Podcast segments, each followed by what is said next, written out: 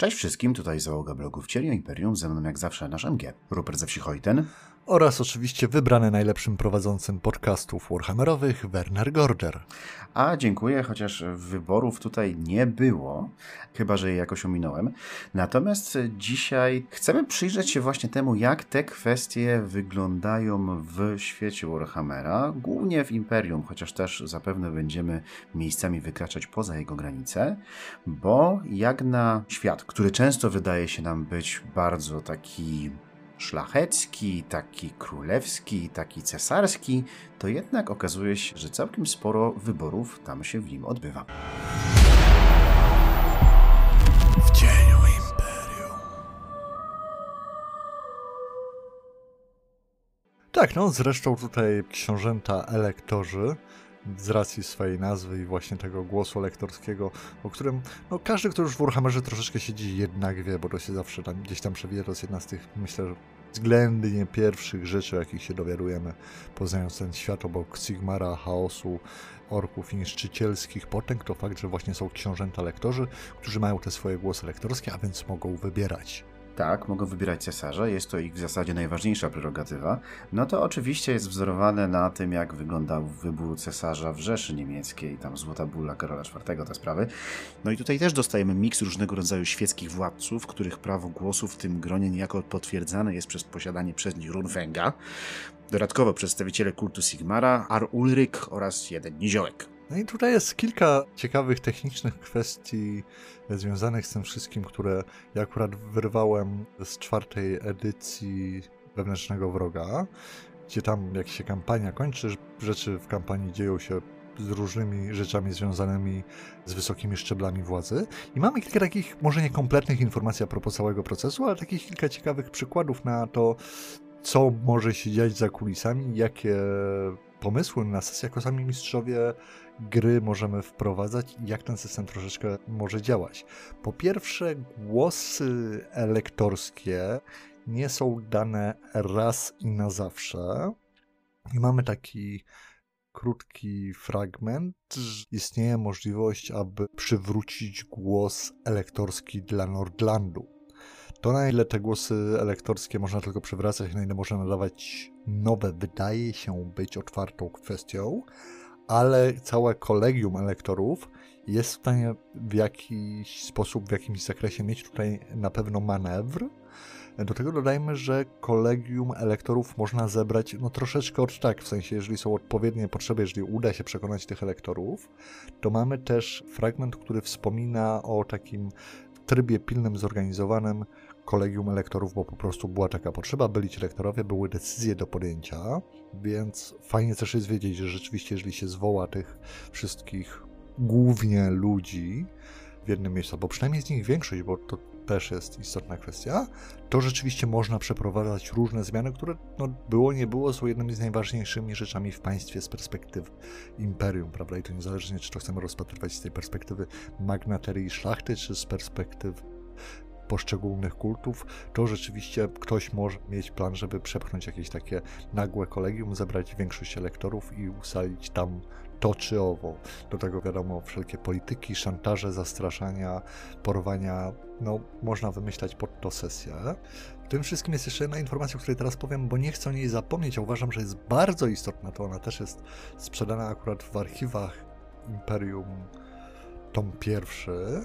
Tam mamy fragment o tym, jak właśnie niziołki się ubiegały o głos elektorski jak powstała kraina zgromadzenia, to ludzie oczywiście nie chcieli im dać tego głosu elektorskiego, więc powołano się na stare prawo, że elektorem może być tylko i wyłącznie ktoś, kto się urodził na danych ziemiach i stamtąd pochodzi, co moim zdaniem może być naprawdę fantastycznym przyczynkiem do sesji, właśnie ta kwestia pochodzenia i tego typu rzeczy. Nie wystarczy bogatym szlachcicem mieć wielką armię, ale prawnie z tej prowincji pochodzić trzeba, więc w pewnych sytuacjach albo będzie trzeba zmienić swoje miejsce urodzenia, albo na przykład poszerzyć granice prowincji, żeby pasowało, lub kombinować inne rzeczy.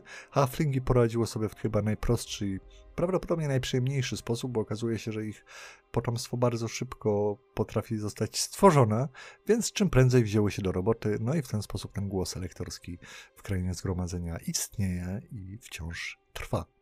Szok i niedowierzanie. Natomiast e, tak, jeżeli chodzi o te zebrania książąt elektorów, które nie są powoływane ad hoc, no to powinny się zwykle odbywać w takiej ośmiokątnej sali zebrań w Volkshalle w Altdorfie przy okrągłym stole, a w pierwszoedycyjnej wersji wewnętrznego wroga mieliśmy nawet cały opis wyborów cesarza i tam to wyglądało w ten sposób, że spotkaniu przewodniczył wielki teogonista Sigmara i to on niejako prowadził te obrady i to on wywoływał po kolei elektorów i pytał ich o głos, zaczynając od swoich popleczników, akurat z powodów fabularnych, specjalnie pomijając Al-Uryka. Tam również pojawiała się sytuacja, w której zwoływano zgromadzenie elektorów ad hoc. No i oczywiście mamy tą sytuację, że trzeba wybrać cesarza, co jest w ogóle ciekawe, bo Sigmar sam w sobie, kiedy opuścił imperium, poszedł sobie, to nie przedstawił żadnych wytycznych na temat tego, jak ma być wybrany jego następca. Więc to jest taka innowacja, która została wprowadzona przez Sigricha z Averlandu, który został właśnie wybrany tym pierwszym następcą Sigmara przez najważniejszych możnych imperium na skutek sugestii jednej z najwyższych kapłanek Gryi, która w ten sposób zasugerowała, że może by możni wybrali spośród siebie kogoś, kto będzie im przewodził, żeby uniknąć tej wojny, która już właściwie miała się rozpętać, ponieważ każdy z tych możnych uważał, że to on jest najważniejszy i najlepiej byłoby, żeby to rozstrzygnąć znowu na polach bitew, no ale jednak udało się tego losu dla Imperium uniknąć, no i dzięki temu przynajmniej przez pierwsze tysiąclecie swoich istnienia z kawałkiem było to jednak zjednoczonym Imperium. Co oczywiście nie mogło trwać wiecznie, bo wszyscy znamy historię czasu trzech cesarzy, więc to rzeczywiście kto się obwołuje, jak to jest wybierane, tak naprawdę w dużej mierze zależy jednak od tego, ilu się ludzi zdoła powołać pod sztandary i jak bardzo chce się coś udowodnić. No, tak i nie, bo wiesz, jednak trzeba przynajmniej sfałszować sobie jakieś prawa do tego. Nie żarujmy się. Przynajmniej sfałszowany glejt wypadałoby mieć. E, tak, tak, no to oczywiście o. odpowiednie papiery i dokumenty będą e, stworzone. Ciekawie jest też e, właśnie z samymi lektorami, o ile bardzo często z tego co wiemy, to ten głos przechodzi niejako dziedzicznie e, wśród tych panujących rodzin. Ale nie zawsze. Tak, nie wszędzie tak jest. Tutaj oczywiście też prym wiolą niziołki, które mają regularne tak naprawdę wybory i to takie w zasadzie otwarte dla całej ludności krainy zgromadzenia. No powiedzmy, jest cenzus tam wieku, musisz być starszym, żeby być na tym tak. wyborze starszego starszych. E, dokładnie i wybierają go bodajże raz na trzy lata, co wydaje się być bardzo mm -hmm. taką wysoką częstotliwością, no ale przy okazji jest też wielka uczta, więc ja myślę, że to nie jest duży problem dla niziołków, żeby się spotykać na tych wyborach. Zgoła odwrotnie, byłyby chętne organizować je częściej. I z tego co wiemy, również w przypadku niziołków nie ma ograniczeń co do ilości kadencji, bo Hisme Stoutheart jest tutaj od lat już, więc to jest taka rzecz. Druga rzecz, która też byłaby dziwna w przypadku, znaczy dziwna, inna, jeśli chodzi o inne prowincje, no to myślę, że można powiedzieć coś o Ostermarku, która ma swojego kanclerza. I chociaż ta pozycja jest teoretycznie dziedziczna, to Rada Ostermarku, składająca się z tamtejszych najpotężniejszych możnych, musi jednomyślnie zaakceptować w głosowaniu nowego kanclerza, no co jak na mnie jest dla tych możnych świetną okazją ku temu, żeby załatwić sobie kolejny przywilej albo zwolnienie z jakiegoś podatku czy obowiązku. Natomiast jeśli chodzi o inne momenty, w których odbywają się głosowania, no to jest ich tak naprawdę bardzo dużo, bo to oczywiście zależy od prowincji. Każda prowincja jest tak naprawdę osobnym państwem, w związku z czym w każdym z tych państw będzie to wyglądało inaczej, ale mamy kilka przykładów parlamentów, choć to oczywiście nie są w żadnym wypadku demokracje. Nawet odniesień do jakichś stanów generalnych, czyli teoretycznej reprezentacji szlachty, kleru i wszystkich pozostałych, jakie znamy z prawdziwej historii, na przykład Francji, nie znalazłem w lore, ale jednak funkcjonują w świecie Warhammera parlamenty, dajmy na to w Reiklandzie, w którym zbierają się wszyscy możni, którzy dostali ziemię bezpośrednio od księcia Reiklandu, w sensie jego bezpośredni wasale. To są najpotężniejsi magnaci rejklandzcy i to jest tamtejszy parlament, w którym właśnie oni zasiadają dziedzicznie. Nazywa się Reikland Diet, czyli no parlament rejklandzki. Jego zadaniem jest aprobowanie dekretów księcia Reiklandu. Czyli tutaj jest taka zabawna sytuacja, że książę coś wymyśla, przedstawia parlamentowi i parlament musi to zaaprobować. Ale jeśli ten dekret nie znajdzie akceptacji, to jest zwracany księciu z propozycjami poprawek, które możni tutaj sugerują po dobroci księciu, żeby wprowadził do swoich dekretów. Kompetencje Reikland Diet dotyczą wszystkiego, z wyjątkiem prawa do powoływania i dowodzenia armią Reiklandu przez księcia, prawa do nakładania dodatkowych podatków w czasie kryzysu, bicia monety oraz powoływania sądu dla najważniejszych możnych. Wtedy przewodniczy właśnie temu sądowi marszałek Reikland Diet, ale ten sąd może powołać po prostu książę. Przykładem takich praw ustalonych przez Reikland Diet może być prawo, które zaakceptowano w czasach Magnusa Powożnego, które mówiło, że czarodziejom nie wolno posiadać ziemi, nie mogą dominować w handlu ani agitować politycznie. To też taka ciekawostka, że czarodzieje teoretycznie powinni być apolityczni. Myślę, że szare kolegium o tym mogło nie słyszeć. Może słyszało, ale zapomniało. Tak też może być. Tak swoją drogą właśnie w kwestii Reiklandu tutaj bym jeszcze wspomniał o Altdorfie. Pamiętacie, jak rozmawialiśmy o tym mieście? Tam jest kwestia obywatelstwa, bycia obywatelem Aldorfu. Te obywatelstwa generalnie są tam troszeczkę krojone na kawałki na dobrą sprawę, ale fakt rzeczywiście pochodzenia z Altdorfu daje pewne prawa, w tym też właśnie zapewne kwestii jakiejś reprezentacji, bo tak oddalając się już od samego tronu i schodząc troszeczkę niżej, prawda, i pokazując, gdzie ta demokracja tak naprawdę może się pojawiać w Starym Świecie, jest tego prawdopodobnie dużo więcej. Wiadomo, no, żeby wybierać imperatora, no to ten nieliczny tuzin plus minus, jeżeli wybierać tam poszczególnych władców, plus. książąt, no plus, bo tam kapłani i tak dalej. Chociaż wiesz, zależy od czasu, bo ja rozumiem, że tam wiesz, w pewnych wyjątkowych sytuacjach mogą być spore rotacje i wakaty się pojawiać nagle. Tak samo właśnie wybieranie tych najwyższych władz w największych księstwach, no rzeczywiście to nie jest dostępne dla każdego, zarówno kandydowanie, jak i właśnie móc na to wpływać. Wiadomo, to jest zabawa dla tych, co mają wpływy i pieniądze. Czy to od strony właśnie czysto szlacheckiej, czy to od strony kościelnej. Chociaż zakładam, że coraz większe z tego wszystkiego, co wiemy, władze i wpływy, nawet jeżeli nieoficjalne, mają przedstawiciele miast, czy nawet poszczególnych cechów bądź gildii bo wiemy, że ten jednak obrót gotówki, pieniądz i władzy w miastach się zwiększa. Mamy tam coraz więcej jednak kupców i handlowców i cechów, które oni tworzą, których potęga rośnie i to tak niebezpiecznie, a ta zubożała czasami szlachta patrzy tylko z zawiścią, no ale nie zawsze coś z tym zrobić może, chociaż bardzo by chciała.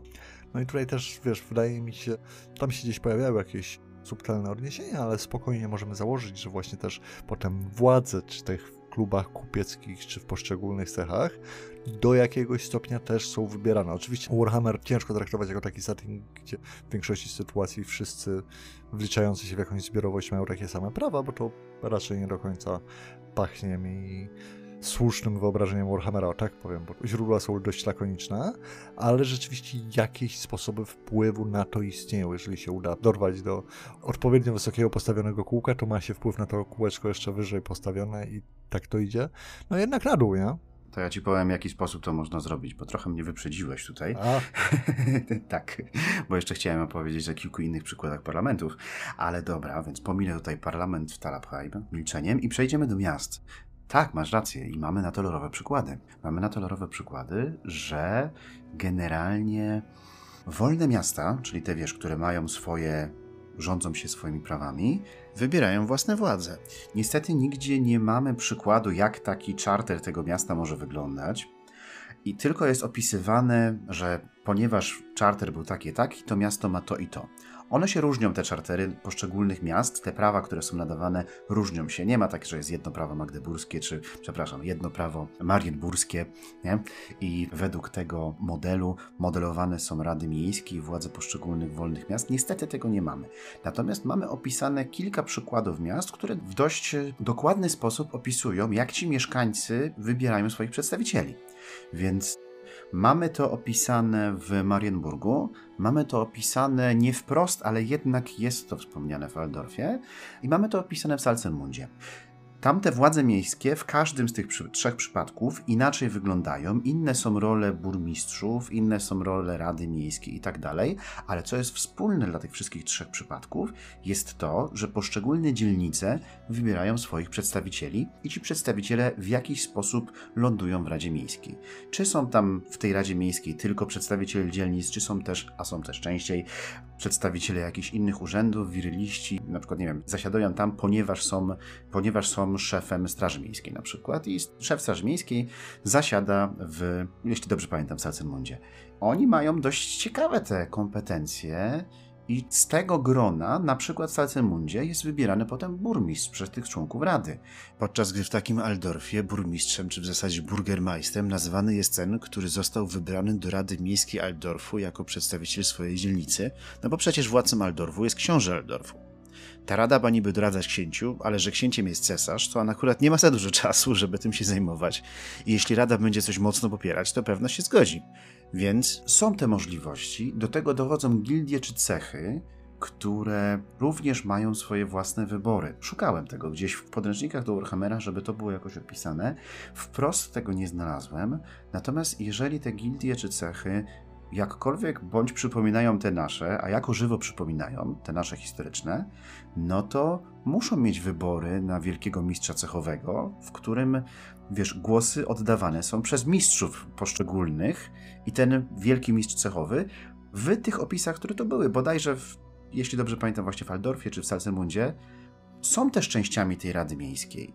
Więc w ten sposób też można się dostać do tych władz miejskich i w ten sposób ten głos tych mieszkańców poszczególnych dystryktów czy poszczególnych grup zawodowych jest słyszany. Tak, aby uczynić jeszcze taki kolejny krok dalej od pałacu władzy i wielkich miast, to pamiętajmy na wsi i to niezależnie czy to jest wieś, która podpara po jakiegoś władcę, czy jest na jakiejś zasadzie i na jakichś prawach wolnej wsi, to tam zapewne też jest starszy wsi, który mniej lub bardziej oficjalnie sprawuje jako taką ogólną władzę, zwołuje jakieś zgromadzenia.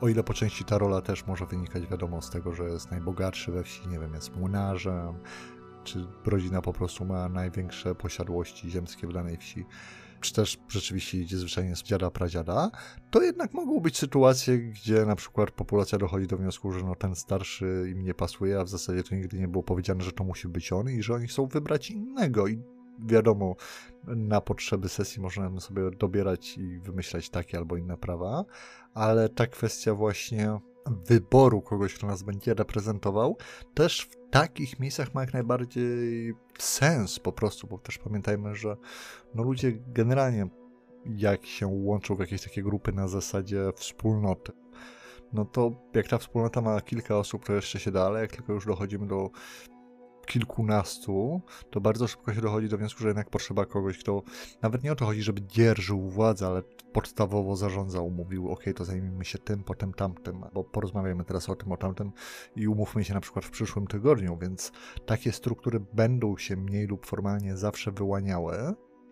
No i ile oczywiście ten, kto przewodzi, czy tam jest duże pole do popisu, prawda, dla ambicji, chęci posiadania władzy, no i wszystkiego tego, co się przynosi do stołu na zasadzie bogactwa, wsparcia i szeroko rozumianych plesów, ale nie zawsze tak musi być, jednak to poparcie ludności jest czymś, o co władcy wszelkich szczebli zawsze zabiegali, chyba że mieli wystarczająco siły, żeby nie było im aż tak bardzo potrzebne, ale to też wielu się przeliczyło.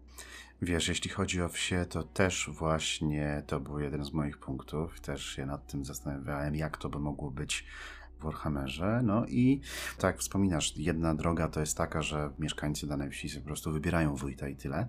Druga też droga, mniej wesoła przynajmniej dla tych mieszkańców, jest taka, że pan danych włości po prostu wójta narzuca i mówi, Jonkiel, ty będziesz wójtem.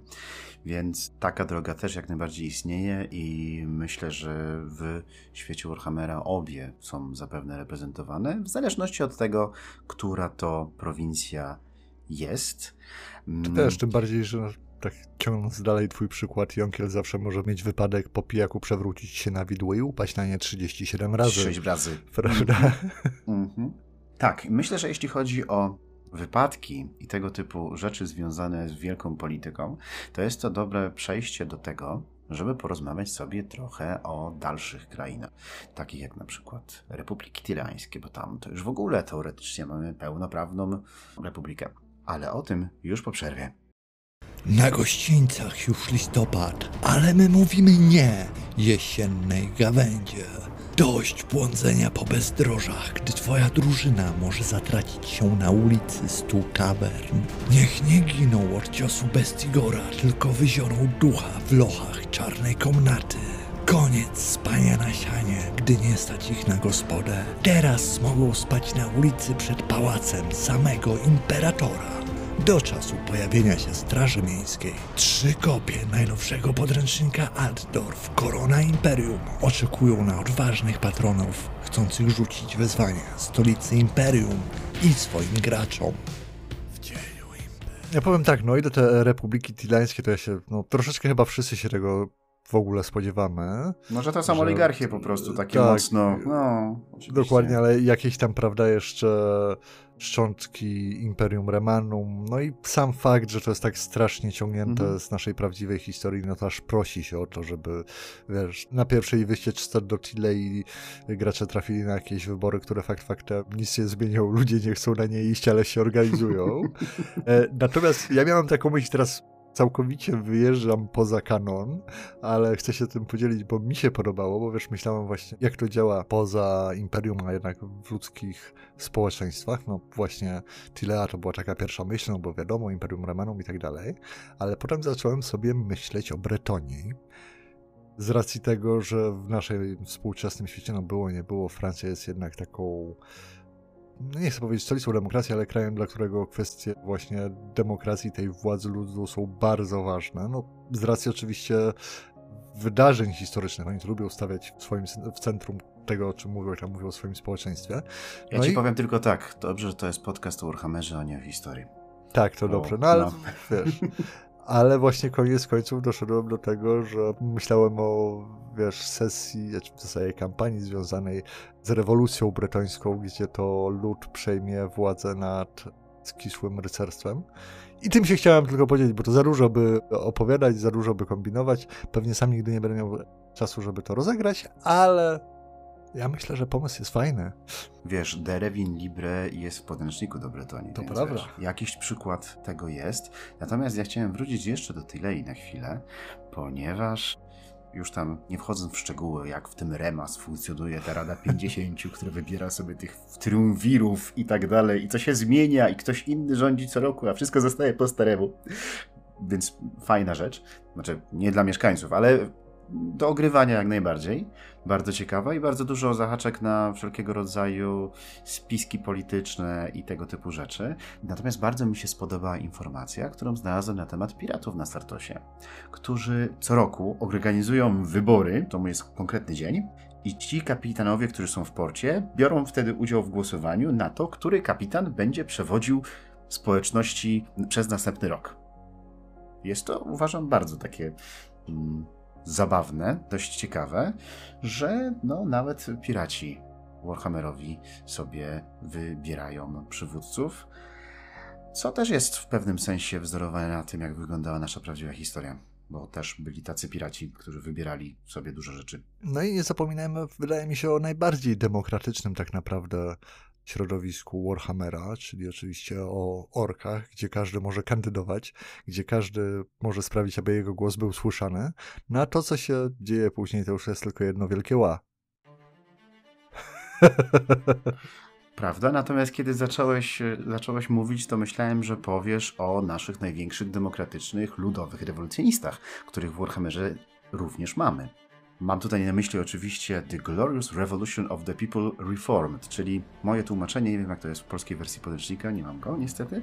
Chwalebna rewolucja ludu reformowana. Co jest oczywistym nawiązaniem do rzeczy z Monty Pythona, pewnego sketchu dość znanego. Natomiast w świecie Warhammera jest to organizacja polityczna założona przez księcia Kloszowskiego. To jest taki polsko brzmiący, choć pochodził z Kislewu i był naprawdę prawdziwym kislewskim księciem, ale no z jakiegoś dziwnego powodu musiał przenieść się do Imperium. No i tam ta jego organizacja rozkwita w największych miastach, głównie w Aldorfie i Nuln, ale też w innych jak najbardziej też. No i stara się właśnie przekonać lud do tego, żeby zrzucił jarzmo oczywiście opresji feudalnej, przyjął ideały ludowo-demokratyczne i rządził się sam. Oczywiście ruch ma różne skrzydła i mają one jakieś inne wyobrażenia na temat tego, jak taka władza by miała wyglądać, ale jest to chyba najbliższe współcześnie rozumianej partii politycznej, co można znaleźć w Warhammerze. No, ona oczywiście jest nielegalna i jest zwalczana przez władzę, na przykład za kolportowanie strasznych paszkwili na wielkiego teogonistę.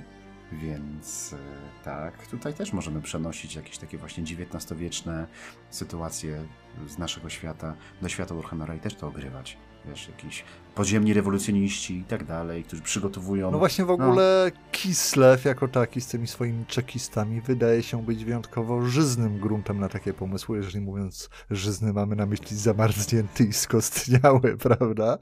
Ale tak, no z całą pewnością też jest to piękne miejsce z racji właśnie tej władzy trzymanej lodowatą ręką. Jak wiele rzeczy może próbować się spod tej władzy wyrwać i w jaki sposób do tego dochodzić. Ale myślę, że to już jest temat na troszeczkę inny odcinek. Dokładnie. A zatem, jeżeli Wam się podobało i chcecie wybierać więcej naszych odcinków, to dajcie nam głos łapą w górę. Dziękujemy serdecznie naszym patronom, którzy przyczynili się do powstania tego odcinka. To dzięki nim wygrywamy wszystkie wybory na prowadzących tego podcastu. I obydwaj otrzymujemy 100% głosów. Dziwne. Zawsze. Czasami nawet więcej. A, czasami nawet więcej, ale to wtedy kiedy, kiedy ty liczysz, co? No, chociaż przy tych naszych live streamach to brzmi jakbyśmy dostawali 40% głosów, wiesz? Też mi się tak wydaje. Tak czy inaczej, zapraszamy Was również do naszego Discorda. Gdzie również każdy ma prawo się wypowiedzieć, ale czasami to prawo zostaje odebrane, jak mówi zbyt durne rzeczy. Niemniej jednak jest tam bardzo fajnie, więc polecamy. A my się z Wami żegnamy i do usłyszenia już niebawem. E, chwała rewolucji? Viva la revolution? Za bardzo. To tak Kloszowskim zajechało. Zaraz wychodzi druga część Trzech Muszkieterów. Jestem troszeczkę taki tam podjarany, jak heretyk na stosiaku.